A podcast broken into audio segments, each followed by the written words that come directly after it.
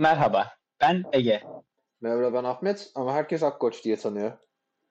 Şu an neredesin Ege? Anlık olarak Akkoç Türkiye'deyim ve pek yakında 3. dönemimin başlangıcı için Almanya'ya geri döneceğim. Heyecan verici yani. Sen neredesin? Bana gelince ben şu an Hollanda'dayım. 2-3 günlük bir konferans için Hollanda'ya geldim. Seninle de podcast'i çekmek için güzel bir fırsat olur diye düşündüm. Peki Efe nerede? Ee, Efe ne yazık ki burada değil. Efe şu an yüksek lisans başvurularında yetiştirmesi gereken birkaç iş olduğu için aramızda değil. Ama kendisiyle bir haftadır konuşuyorum. O yüzden konuşmak istediği şeylerin notlarını topladım. E, Efe'nin adına ben konuşacağım gibi düşündüm. Efe ruhani olarak bizimle. Evet. Zihinsel olarak Fransa'da. Akkoç Hollanda'da. Ben de zihinsel olarak Almanya'da olduğuma göre aslında tam ortamızda kalıyorsun. Evet. Almanya ile Fransa arasında koyduk bölümün adını. Ya da Fransa ile Almanya arasında. Bilmiyorum. Tersi de olabilir. Ters de olabilir. Aynen fark etmiyor. Ortası aynı yer. Şimdi konuyu açmak için aslında e, Efe ile senin durumun birbirinden birazcık farklı değil mi? O şu an yüksek lisans için başvuruyor. Sen şu an lisans okuyorsun. Tabii liseden gelen arkadaşlarımız için bunun farkı çok belirgin olmayabilir. Azıcık ondan bahsedelim değil mi? Sahi. Çünkü ben hatırlıyorum lisenin sonunda hani düşünüyordum. Allah Allah bir tek ben mi bilmiyorum bunları? Yok sonradan fark ettim. Hiçbirimize anlatmadılar. Herkes bildiğimizi varsayıp geçti. Hani hepimizi üniversite okumaya gönderiyorlar ama lisanslı yüksek lisansın farkını bile anlatmıyorlar. Şüpheli. Şüpheli. Tamam. Temelde üniversiteyi kazandım dediğimiz zaman gidilen okulu ya da gidilen e, eğitim programı lisans eğitimi oluyor.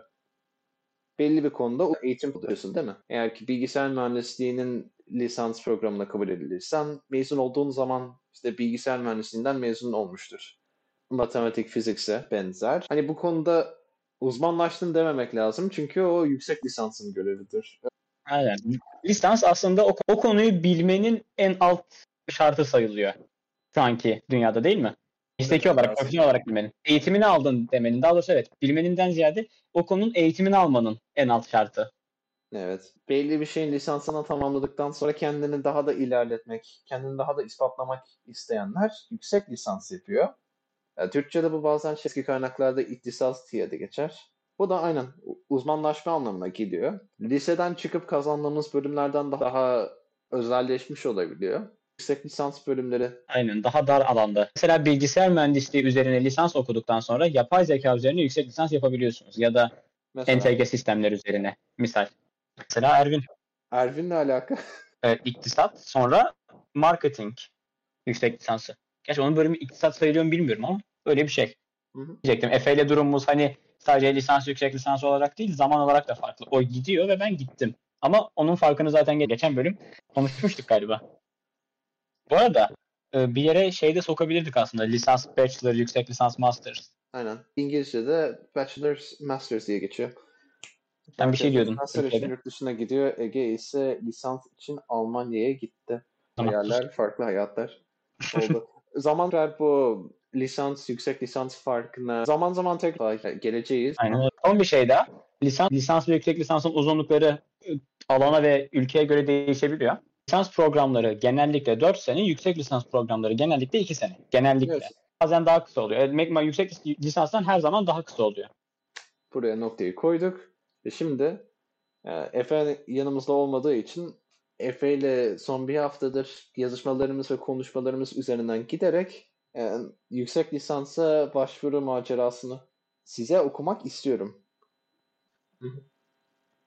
Tamam burada notlara baktığım zaman gör- burada gördüğüm ilk madde üniversite taraması meselesi. Üniversite taraması nedir? Liseyi bitirdiğimiz zaman e, hangi lisans programına okuyacağız diye tercih yapılıyorsa aynı şekilde lisansını tamamlayan ya da tamamlamakta olan öğrencilerin hangi üniversitede hangi bölümde yüksek lisans okuyacaklarını bulmaları gerekiyor. Fakat bu ne yazık ki lise sınavı gibi tercih sistemi değil. Bir- Evet. e, her, Her şey şeyin hani- birbirine kolayca karş- karşılaştıran sayılar yok. E, lis- Türkiye'deki lise sınavından aşina olduğumuz gibi işte şuradaki en iyidir, buradaki ondan biraz da kötüdür diyemiyoruz basit bir karşılaştırmaya göre maalesef. Doğru. Yüksek puanlı olan okula gideceğim demesi çok daha zor burada. Aynen öyle. Aha. Ve dünya çok büyük. Dünya çok büyük. Onun O yüzden için çok fazla seçenek var. evet. Onun için aday üniversiteleri taramak gerekiyor. Okumak istediğimiz konuyla ilgili olan okullar hangisi ise eleme üzerinden giderek. Şimdi Efe arkadaşımız yapay zeka ile ilgilenmek istiyor. Geçen bölümde bahsetmiş olduğumuz üzere asıl merakı sinema kültürüyle yapay zeka teknolojilerini birleştirmek ve konuştuk bunu. Coğrafi olarak çok uzak olsun istemiyor. Amerika fazla uzak geliyor. Asya daha da uzak geliyor. Ondan Avrupa'da kalmayı şart tutmuş. Böyle durumlarda akademik ağlar kıymetli oluyor. Peki, peki, peki akademik ağ nedir? Öğreneceğiz ama ne bunlar? işte bunu sormanı bekliyordum. Rap kartını aktive ettim. En meşhur akademik ağı söyleyebilirim. Ivy League'ler, Ivy League'ler falan diyoruz ya. Amerika'daki şey. E, en meşhur okullar. Hmm, Genel ortak. Ya da mesela- okuldan. Anladım. Ya da Almanya'daki TU9 yine TU9 aynı mesela. şekilde ortak politika yürüten, benzer başarı oranında olan herhalde okullar. Anlıyorum. Peki nereden bulunuyor bu, bu akademik ağlar?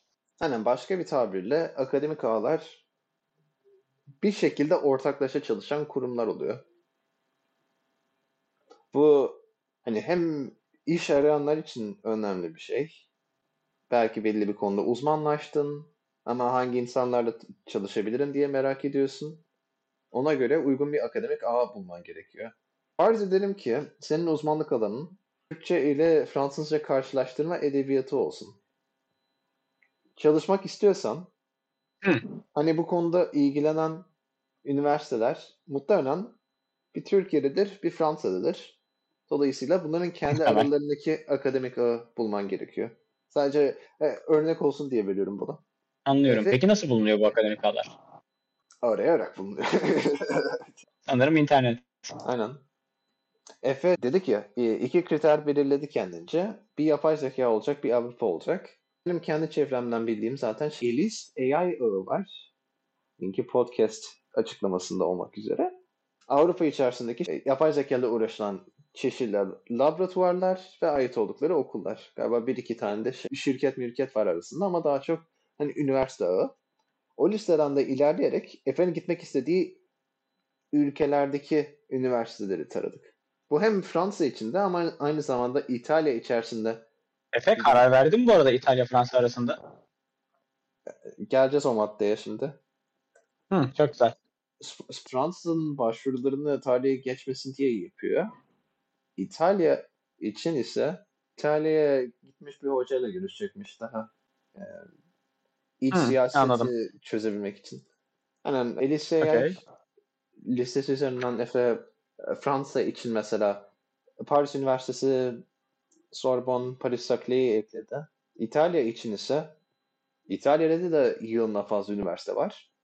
Ağ üzerinden hangileri yapay zeka ile daha çok ilgileniyormuş diye bakarak Politecnico Torino'yu işaretledi. Politeknik Milan, Trento'yu işaretledi. E, Trento da bayağı komik. Çünkü geçen gün bizim üniversiteye Trento'dan biri gelmiş. Hani onunla tanışma fırsatım olmuştu. Gidip de herkese Evet. tanışmaya çalışabilirsin ama onun için vakit yok.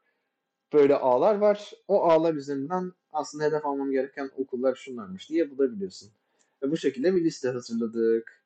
Efe de yavaş yavaş bunların başvurularını yapıyormuş. Ama o başvuruların yanında tabii eğitim masrafı olduğu için burs arıyor ya. Geldik zurnanın zırt dediği yere. Burslar. Efe'nin dikkatini özellikle iki burs çekmiş. Bunların ilki Eiffel Mükemmellik Bursu diye geçiyor. Bayağı şamatalı bir isim değil mi? Eiffel, Eiffel Mükemmellik Bursu. Mükemmellik bursu.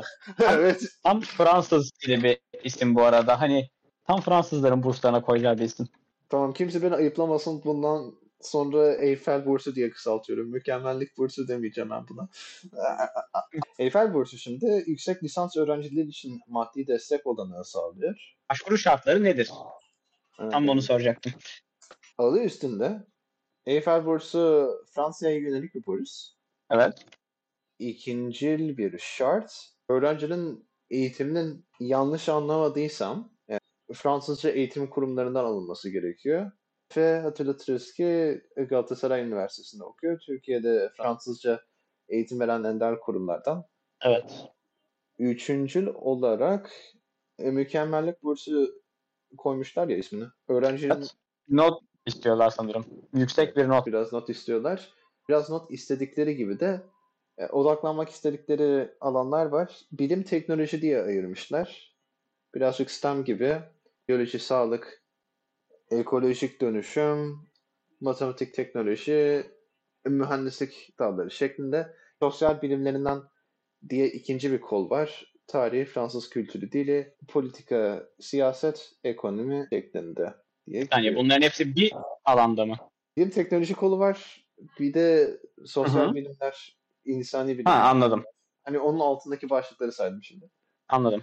Evet. Yüksek lisans için aylık yaklaşık 1181 avro veriyorlarmış. Yani e, Fransa'daki harcama durumunu, yaşam masraflarını bilmiyorum ama Avru Almanya'da e, aylık 1181 euro gayet iyi bir hatta çok iyi bir e, burs parası. Bütün harcamalarını kapatır üstüne de kalır. Dolayısıyla Galatasaray Üniversitesi'ne gitmeyi düşünen arkadaşlar bunun ileriye yönelik bir yatırım olacağını göz önünde bulundursun. Peki farz edelim ki şu an siz üniversite 3. 4. sınıfı okuyorsunuz ve Fransızca değil. Sizin evet. faydalanabileceğiniz bir burs var mı acaba? Jean Monnet bursu var. Bu Jean Monnet bursu anladığım kadarıyla hani önceden Fransızca bir kurumda okumanı gerektirmiyor. Peki bunun şartları daha mı katı? Ya da kime odaklı? Kime odaklıya cevap vermek çok daha kolay. Türkiye'deki üniversitelerin lisans son sınıfı ve lisans üstü öğrencileri. Yani yüksek lisans veya doktora. Doktora hmm. da yüksek lisansın daha üstü oluyor. E, fakat Jean Monnet bir mükemmellik bursu değil. Eiffel gibi. E, konsept olarak e, çok farklı bir şey. E, Nasıl yani? Jean Monnet işte tarihi olarak Avrupa politikasında önemli bir rol oynamış e, Fransız siyasetçi. Jean Monnet bursu da büyük ölçüde Türkiye ile Fransa arasında bir ortaklık. Amaç olarak Türkiye'deki yüksek eğitimli bireyleri Avrupa Birliği içerisinde yüksek lisans e, pozisyonlarına yerleştirmek. Dolayısıyla burs aynı zamanda kamu sektörü çalışanları, STK çalışanlarına falan da hedef alıyor. E, farz edelim ki üniversiteyi bitirmişsiniz ve yüksek lisans okumak istiyorsunuz. Jean Monnet sizin de e, Avrupa Birliği içerisinde yüksek lisans okumanız için bir e, olanak sunabilirmiş. Kesinlikle çok faydalı bunu bilmek. Çünkü hani e, üniversitesini bitirmiş ve iş hayatına girmiş ama yine de gitmek isteyenler olabilir. Eğitimine daha orada devam etmek için. Ve bu bence onlara çok büyük bir kapı açıyor.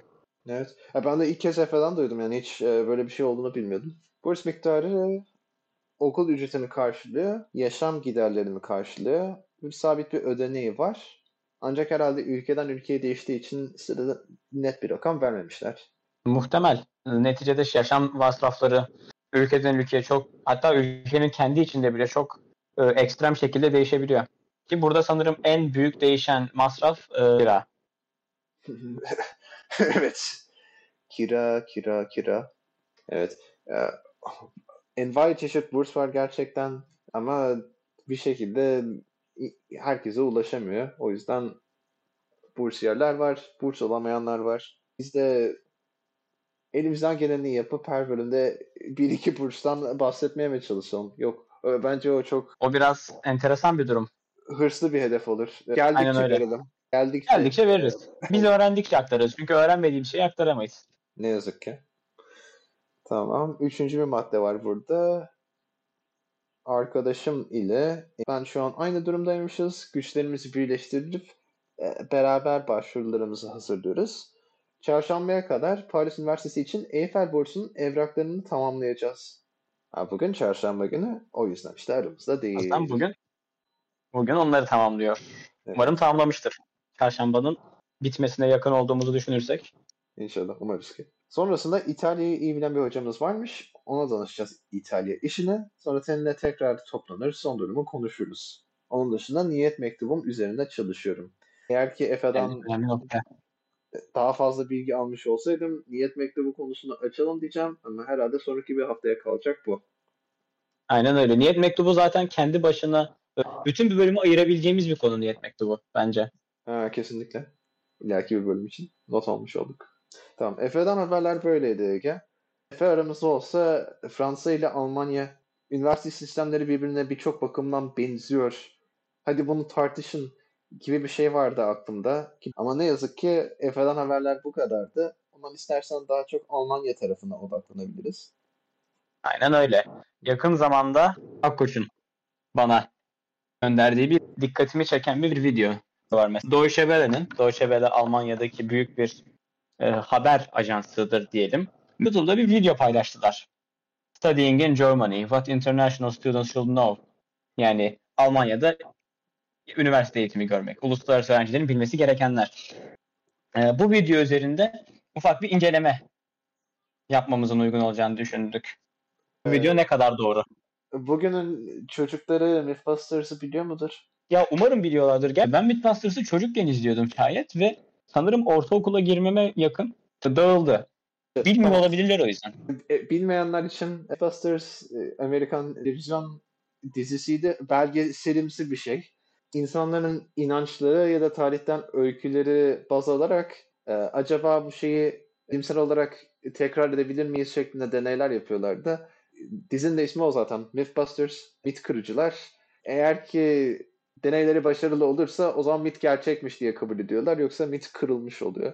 E, biz de o şekilde şu e, Deutsche Welle videosunu Almanya'da haliyle okuyan Ege ile beraber e, mitini kırmak istedik. Mitin, e, Aynen öyle. Mythbusters'ı Türkçe'ye bu arada efsane avcıları olarak lo- lokalize ettiler.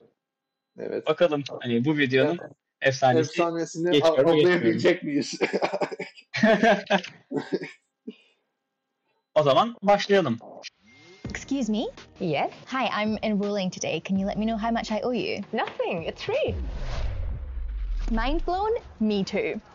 Zihniniz mi patladı? Benim de. Çünkü mesela ben Almanya'ya gidiyorum ve bana ücretsiz değil. Neden değil? Çünkü Baden-Württemberg eyaletindeyseniz Avrupa Birliği ya da Avrupa Ekonomik Bölgesi haricinden gelen öğrencilerden daha büyük bir ücret varsa e, ama onun haricinde e, aynı videoda söylendiği gibi devlet üniversiteleri ki Almanya'daki üniversitelerin çok yüksek çoğunluğu devlet üniversitesi eğitim ücretleri dönemlik 100 euro civarında gez- geziniyor. Ki 100 euro da oradaki yaşam masraflarını falan karşılaştırdığın zaman aşırı büyük bir rakam değil. No education fees at public unis, even for international students. There are some small semester fees of around two to four hundred euros, but these go towards things like your public transport and the student unions. Ee, orada dediği hani these go towards your public transportation'dan kastı bazı üniversitelerde bu üniversite diye ödediğiniz masraf hakikaten bir e, öğrenci bileti içeriyor. Bu öğrenci bileti sizin o bölgenin toplu taşımasını kullanmanıza sağlıyor. Bazılarında ise üniversite öğrencisi olmanız indirimli bir öğrenci bileti almanızı sağlıyor. Onun fiyatı e, üniversitenin dönemlik fiyatın harici olabiliyor. Peki ben bundan yararlanmasam bile diğer öğrenciler yararlanacak diye ödemek zorunda mıyım? Evet. Çünkü şöyle bir durum var. Mesela vergi ödeme hani kullanmadığın yolların vergisini veriyorsun Evet. zorunlu olarak. Aynı şey. Anladım. Ama buradaki genellikle şey hani toplu taşımayı kullanmama ihtimalin yok gibi bir şey olduğu için çok daha hani geri dönüşü olan bir e, ücret. Çünkü bulunduğun bölgedesin ve A'dan B'ye gitmek istiyorsan kendi aracın yoksa toplu taşıma tek seçeneğin yürümek hariç. Kendi aracın varsa bile hani ücretsiz bir toplu taşıma biletin varsa ve gideceğin yer toplu taşımayla daha hızlıysa neden olmasın? Anladım. Germany is home to over 400 colleges and universities. Universities emphasize the academic, while colleges or polytechnics focus on practical skills. But the degrees have equal standing. Senin o zaman Evet. şu an gittiğin Karlsruhe Politeknik mi sayılıyor? Ee, benim gittiğim e, Karlsruhe Teknoloji Enstitüsü diye geçiyor. Ancak e, buradaki klasifikasyona göre daha teorik kısmıyla, akademik kısmıyla ilgileniyor benim okulum. Ya E, şayet TU9'un hepsi öyle. Pratik kısmıyla ilgili değil. E, teknik üniversite, aynen Almanya'da gidebileceğiniz 3 çeşit üniversite var. A bachelor's program in Germany usually takes six semesters or three years, but many students take eight semesters to finish. It's generally no problem if it takes a bit longer. E, öncelikle az önce söylediği şey üzerine yorum yapmak istiyorum. Evet, normalde lisanslar 6 dönem, yüksek lisanslar 4 dönem. Toplamında işte 5 senede bitiyor. E, tabii bazı okullar yüksek lisansla lisans sırasında yapma fırsatı veriyor bir dönemin, bir senesini. Regel Studienzeit deniyor buna. Regel normal Studienzeit öğrenme süresi. Ancak Regel Studienzeit diye bir şey yok. Lisansları ortalama bitirme zamanı hatta muhtemelen medyan bitirme zamanı 7-8 dönem bu videoda söylendiği gibi bunu bütün ülke kabul etmiş durumda. Yani saklamıyorlar çünkü e, utanılacak bir şey değil. Demeye çalıştığım o. Hakikaten iki dönem uzadıysa sıkıntı yok. Hani o iki dönemlik konaklamayı hallettiğiniz sürece ki herhangi bir okuma operasyonun en büyük sıkıntısı burada konaklamak. Onları hallettiğiniz sürece istediğiniz kadar uzatın okulu. Ben 15. döneminde mezun olan birisiyle tanışmıştım geçenlerde. Vay be. E, bu videoda da değiniyorlar kira meselesine. Az Aynen. Sonra onu da konuşuruz. Studying itself might be free, but the average cost of living is around $1,000 euros a month, depending on where you live. This covers things like rent, groceries, textbooks, and socializing, so most students have a part time job to help cover these costs. O verdikleri 1000 euro rakamı e, gayet doğru. Bu rakamdaki en büyük faktör kiranız. E, gayet ortalama kira 400-500 euro gibi bir rakam alabiliyor. Pahalı şehirlerde bu bunun biraz daha şey çıkıyor. Ha, bunun çok daha altında olan yerler var. Ama genellikle e, en büyük faktör dediğim gibi kira harcamalarınızda. Çünkü sabit harcama değil mi? Aynen. Artırıp azaltamıyorsun. E, zamlanırsa bir tek. Zamlanırsa artırıyorsun zorunlu olarak. Now I'm heading to the Student Service Organisation. Like the Student Union, it's important for students in Germany. There, I'm meeting Jana Judish. She's the contact person for everyone's questions about the university. as education is considered a public good, caring for a student also is considered a public good. So that's why we exist here in Germany, and we are basically responsible for all that isn't research or education. We do the housing, the meals, the canteens, the consultation. Orada dediği Studienwerk hakikaten bu kişiler e, çok yardımcı oluyor ve yardımcı olmayı da istekliyorlar genellikle. Ve herhangi bir probleminiz varsa eğitim hayatınız boyunca, yani derslerin zorluğu hariç, ki derslerle ilgili de hani stres yaşıyorum, altından kalkamıyorum gibi psikolojik bir desteğe ihtiyacınız varsa onu da sağlıyorlar.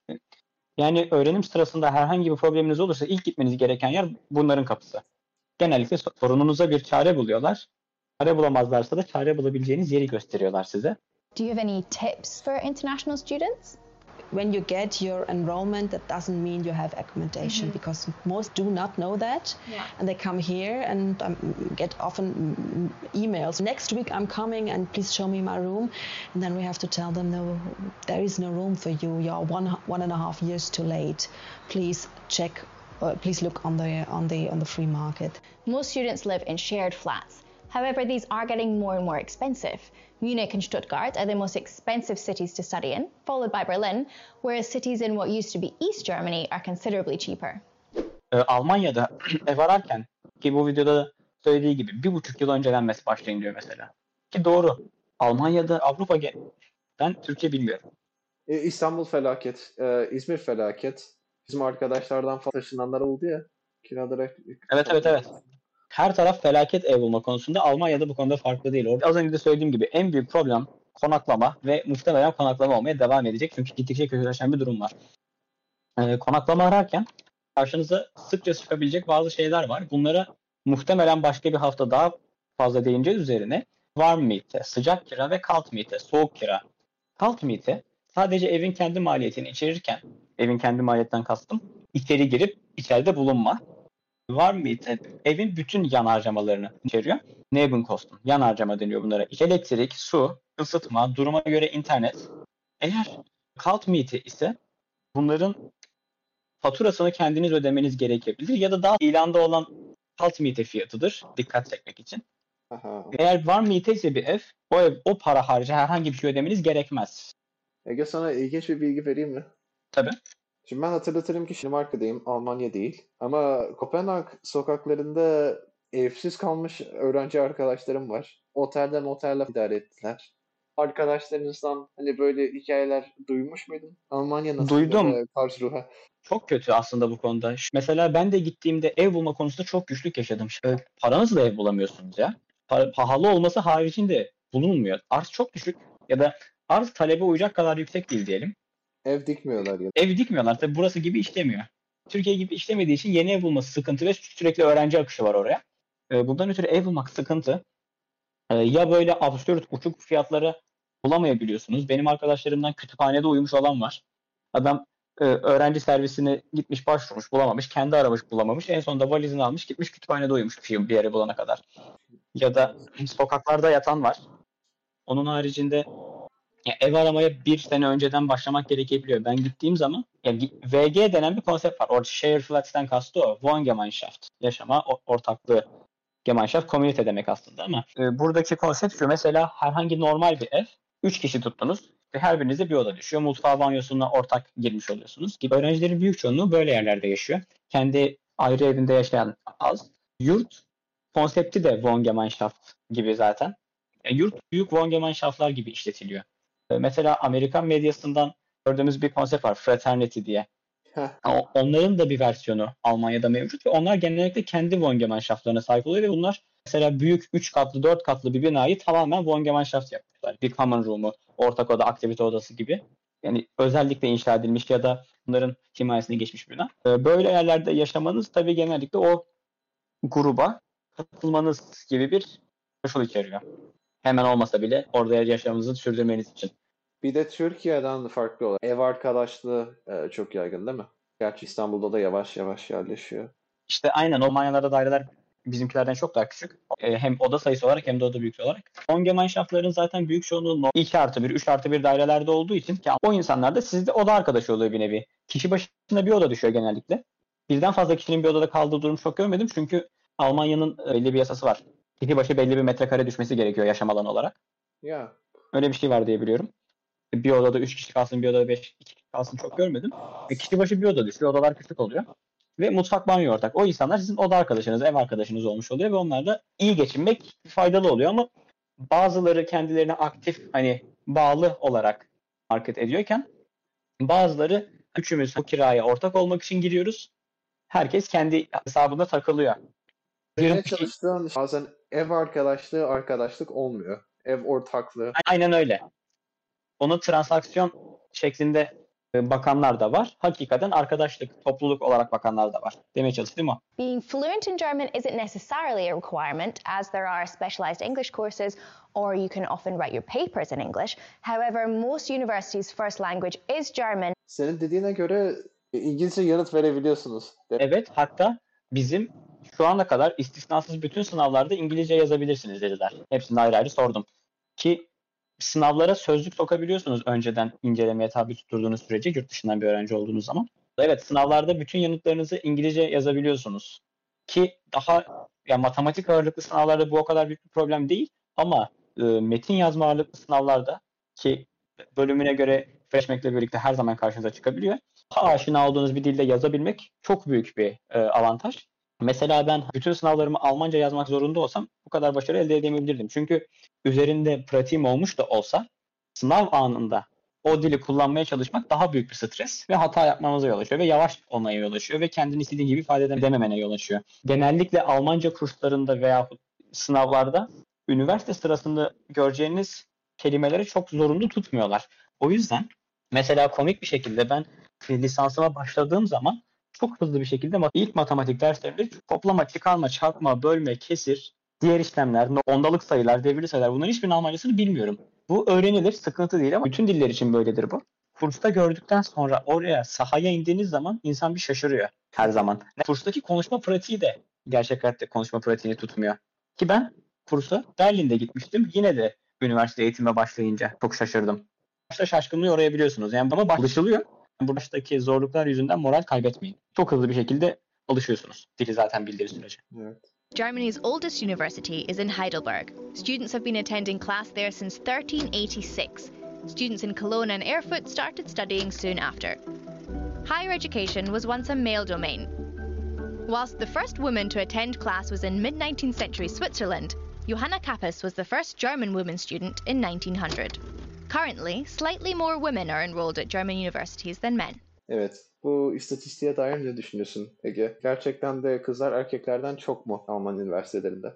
Şimdi ben e, Karlsruhe Teknoloji Enstitüsü'nde okuyorum. Ülke evet. genelinde kız öğrenci sayısı erkek öğrenci sayısından fazlaysa bile Karlsruhe'de hiç öyleymiş gibi gelmiyor. İnsanın aklında istatistik olsa her zaman zordur ama Karlsruhe'de sanki üçte bir gibi bir oran var gibi hissediyorum. Kadın erkek arasında. Bölümle ilgili olabilir. Tabii, tabii bölümle ilgili olabilir. Ancak ben Karlsruhe'deki diğer bölümleri okuyan insanlarla konuşurken ve gezinirken Karlsruhe, Karlsruhe diye hitap edildiğini gördüm ki Kel, ahbap, erkek anlamına gelen e, halk ağzı bir sözcüktür. Aha, hatta Kastaş KIT'de bir tane post vardı 20 küsur yaşlarında. Adamın biri çarşıda 7 yıldır kız arkadaşım yok diye bağırarak yürüdüğünü tasvir eden bir video vardı. Bu, bu- bunun gibi şeylerden yola çıkarak Karlsruhe'nin pardon Karlsruhe'nin öğrenci dengesinin bu videodaki verilen istatistikle uymadığını düşünüyorum. Ama hakiki istatistiklere bakmadım. Terkil toplumun iflah olması için ileriki bir bölümde erkek olmayan birini de bu podcast'ta almak bir şart oldu. evet şey cancellanmamamız için. İlgilenen arkadaşlar podcast açıklamasındaki e, ders yurt dışı Discord sunucumuzdan bize ulaşabilirsiniz. I'd like to hear a little about what university life is like from two students in Berlin, members of the ASTA General Students Committee. What does student life in general look like for you? Do you have a part time job? Do you go out partying a lot? Most of the students have part-time jobs, just like me. It's like a balance. Uh, it's not always easy, especially during exams. um, have a lot of fun with the thing I study, so I don't feel a lot of pressure from that. We do drink a lot of beer. You do not have to do it, and like you shouldn't feel pressure to do it, but it's a good way to meet new people. And the Späti, you have to get to know the Yeah, Späti. Späti in Berlin, yeah. It's a kiosk. Some Spätis have like DJs and music. Burada iki farklı öğrencinin iki farklı öyküsünü dinliyoruz değil mi? Bir tane Necma var, yarı zamanlı çalışıyor. Bir tane Lea var. O daha şey, aktif bir arkadaş grubuyla geziyor. Sen kendini hangisine Aynen. daha yakın görüyorsun? Yani buradaki öğrenciler belli ki bizim okulda okumuyor. Çünkü İş kızlar yükü olarak. Hayır bir kızlar iki iş yükü. nasıl yani? Daha doğrusu bizim okulun informatik bölümünde okumuyorlar belli ki. Bizim dönem boyu olan iş yükümüz ağır olduğu için hani fazla ekstra iş yapacak vaktim olmuyor. Gerçi part time çalışmıştım bir dönem. Ta ki içinde bulunduğum şirketin başına kötü işler gelene kadar ama o başka bir gün başka bir hikaye. Ben sağ çıktım en azından ve paramı verdiler. Önemli olan o. Evet. And how do you meet people? The stereotype that Germans can be quite cold maybe rings too true to some international students, but I think if you just like approach us openly, we don't bite, and we are actually quite nice, but we're a bit shy. Arkadaş ortamı konusunda ise açıkçası yeni insanlarla tanışma konusunda ilk başta biraz sıkıntı çektim. Arkadaş çevresi hızlıca oluşturabilen bir şey değil. Özellikle dile %100 aşina değilseniz. Ancak birazdan da söyleyecekleri gibi Almanların soğuk ve korkutucu olma stereotipi bence yanlış. Gayet kibar ve yardımsever ve yaklaşılmaya açık insanlar aslında. Tabii genel olarak söylüyorum. Her zaman arada istisnalar var çünkü her insan farklıdır. Farklı. Tabii. Ben o stereotipin yanlış olduğunu düşünüyorum. Almanlar hakkında doğru olan bir stereotip ise birayı çok seviyorlar. Sürekli. Ben bunu hani hakikaten Flanderize edilmiş bir şey sanıyordum. Yok. Bir- Bira içmeyi gerçekten çok seviyorlar. Mevsimi şu an üstelik. Oktoberfest. Öyle öyle. Oktoberfest de bir Ekim festivali. Ve onların böyle bir mevsime ihtiyacı yok. O mevsim daha çok içiyorlar. Yılın geri kalanında da çok içiyorlar. Bira çünkü meşrubat gibi gidiyor biraz onlara. Enough education for today. Personally, I loved studying in Germany, so much so that I decided to move here permanently. The fact that it's free is obviously a major benefit, but there are also great programs on offer and a lot of support for students. So, now that you've had a flavour of what it's like to study in Germany, would you study here? O zaman ilk soru geliyor. Almanya'da Evet. bir senedir lisans yapmış bir öğrenci olarak kendini gelecekte Almanya'da yaşıyor görüyor musun? Görüyorum evet. Niyetim lisans yaptıktan sonra burada yüksek lisans, onun bir takip potansiyel olarak doktora yapmak ve Almanya'da takılmak. Şimdi bu videodan önce söylediğim bir cümle vardı. Fransa ile Almanya üniversite sistemleri birçok bakımdan benziyor demiştim ya. O benzerliklerden bir tanesi de lisans eğitimi süresince öğrencileri kendi ülkesine kazandırma çabası. O ülkeye kazandırma çabası. Hani lisans öğrencilerini ülkelerine vatandaş olarak kazandırmak istiyorlar. Hani senin için örneği bariz. Almanca öğrenmen gerekiyor Almanya'da okumak için. Efe için de örneği benzer. Ola ki lisans eğitimini Fransa'da almış olsaydı orada da büyük oranda e, eğitim dili Fransızca. Fakat yüksek lisansta ülkenin kendi dili ile İngilizce arasında tercih yapılabiliyor. Hem Almanya hem Fransa için bunun arkasındaki zihniyeti anlayabilmekten yoksun olduğunu düşünüyorum ama yaptığım tahmin yüksek lisans yaşına gelmiş olan birisine daha konar göçer olarak bakıyorlar. Ama lisansından gelmiş öğrenciler ağaç yaşken iyidir şeklinde birazcık daha e, bunu ülkemizde tutabiliriz şeklinde yaklaşıyorlar. Sen ne düşünüyorsun? Hani Almanya özellikle Onur Ege ülkemde kalsın diye bir çaba sarf ediyor mu? Bence, bence gayet sarf ediyor. Şayet Almanların ve görünüşe göre Fransızların da ortak bir zihniyet olduklarını düşünüyorum. O videoda da söylediği gibi bu insanlar hiçbir şey değilse lisans öğrenimini ve yüksek lisans öğrenimini herkese olanağı verilmesi gereken bir yatırım. Hani public good olarak düşünüyorlar. Hı. O yüzden videoda, video dediği gibi eğitim sadece sizin kendinize yaptığı bir yatırım değil, o ülkenin de size yaptığı bir yatırım oluyor. Bu yüzden bence bu yatırımı ellerinden kaçırmak istemiyorlar ve e, Almanya şunun da farkında. Kendi ülkelerinde üniversite okuma oranı tam rakamlardan emin değilim ama aşırı yüksek değil. Yabancı öğrenciler üniversite okuyanların %25 gibi büyük bir oranını teşkil ediyor. Vay be. %25 yüksek görünüşe göre. Yüksek değil mi ya? Yani şöyle düşün. Her 3 Alman öğrenci için bir tane yabancı öğrenci olacak. Evet. Yabancı diyoruz tabii Avrupa Birliği olduğu için Avusturya gidiyor. Arada, aynen. Doğru. Eğitim kaliteleri yüksek olduğu için çok %25 yabancı öğrenci var.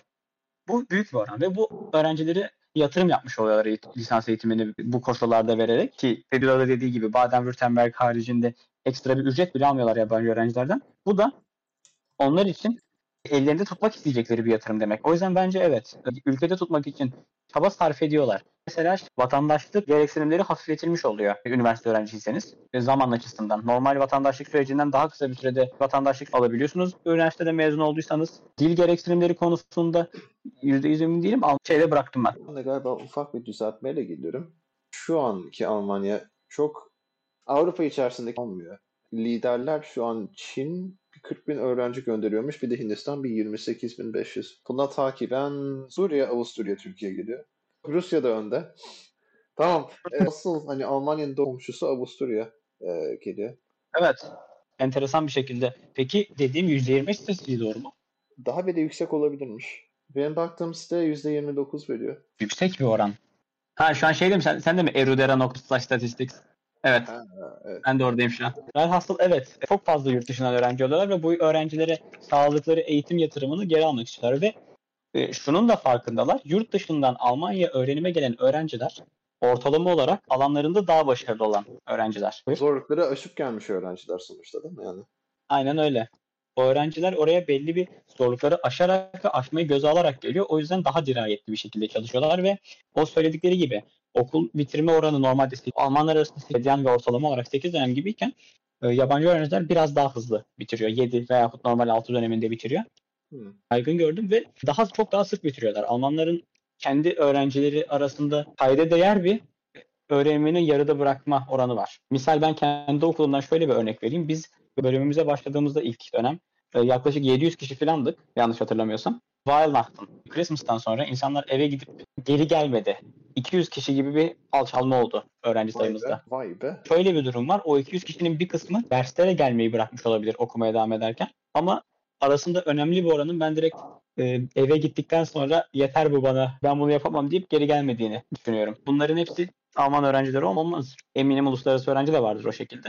Ama oran açısından biraz daha farklı. Peki bu birazcık alakalı bir soru ama anladığım kadarıyla yurt dışında yavaş yavaş yayılan bir, bir hal, bir akım var. Bir an önce işe girme sevdası var. Hani üniversite okumaya gerek yok. Markete gir, şuraya buraya gir. Amazon'da kamyoncu olarak çalış.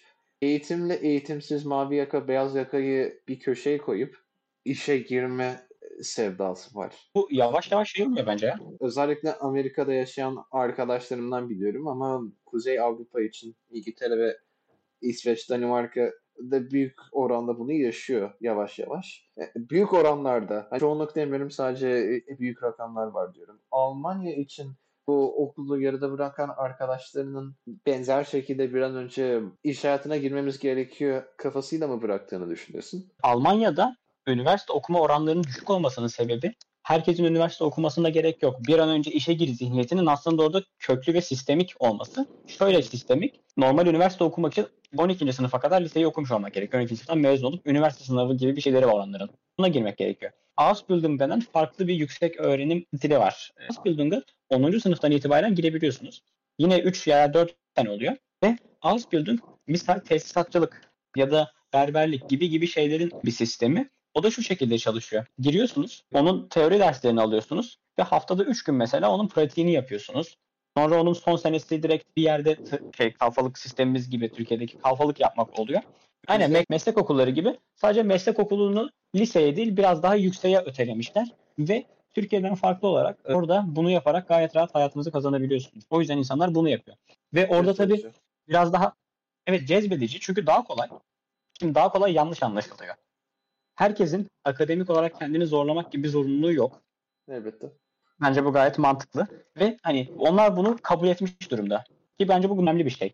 Daha da bunda faktör olduğunu düşündüğüm bir şey var. Onlarda biraz daha bireyselci bir kültür var ya 18'i geçtiği anda çocuk evden çıkma gibi bir baskı altına giriyor hemen. Türkiye'de bu böyle değil. Türkiye'de aile yanında yaşamak çok yaygın bir şey. Gerek şartlardan gerek kültürel bir fark. Öyle bir durum olduğu için çocuk olabildiğince hızlı kendini destekleyebilmek istiyor. O da tabii Ausbildung yapılmasının bu kadar yaygın olmasında bir bence etmen. Ama neticede evet Almanya'da bir an önce meslek hayatına gireyim zihniyeti yaygın. Ancak ben üniversiteye gelenlerin bu zihniyetle hareket ettiğini düşünmüyorum. Çünkü bunu yapmak istiyor olsaydı zaten adam iki sene önce başlardı Ausbildung'una. Evet. Onun sınıftan itibaren başlayıp ben üniversite bir bittiği zaman diğer dönemde şimdi mesleğine başlamış olabilirdi. Peki nereye gidiyorlar sence? Ondan emin değilim. Okul değiştiriyor olabilirler, bölüm değiştiriyor olabilirler, firar ediyor olabilirler. Kariyer değişikliğine gidip hakikaten Ausbildung'a gidiyor olabilirler. E, tabii bir an önce meslek hayatına gireyim ama vardır onun içinde. Ben oradaki asıl etici kuvvetin işte bu çok zor geldi bana olduğunu düşünüyorum. Çünkü kontenjanları çok geniş. Bir sınav ve seçme ve not sistemleri var üniversiteyi almak için. Ama dediğim gibi bizim bölüm 700 kişiydi. 700 kişi az bir kontenjan değil. Daha fazlaymıştır muhtemelen. O sadece derslerde gördüğüm kafadan bir rakam. Tam istatistiklerini bizim dönemde açmadıkları için, ben baktığım zaman açmadıkları için bilmiyorum. Öyle geniş bir kontenjan olduğu için insanlar biraz daha şey diyeyim.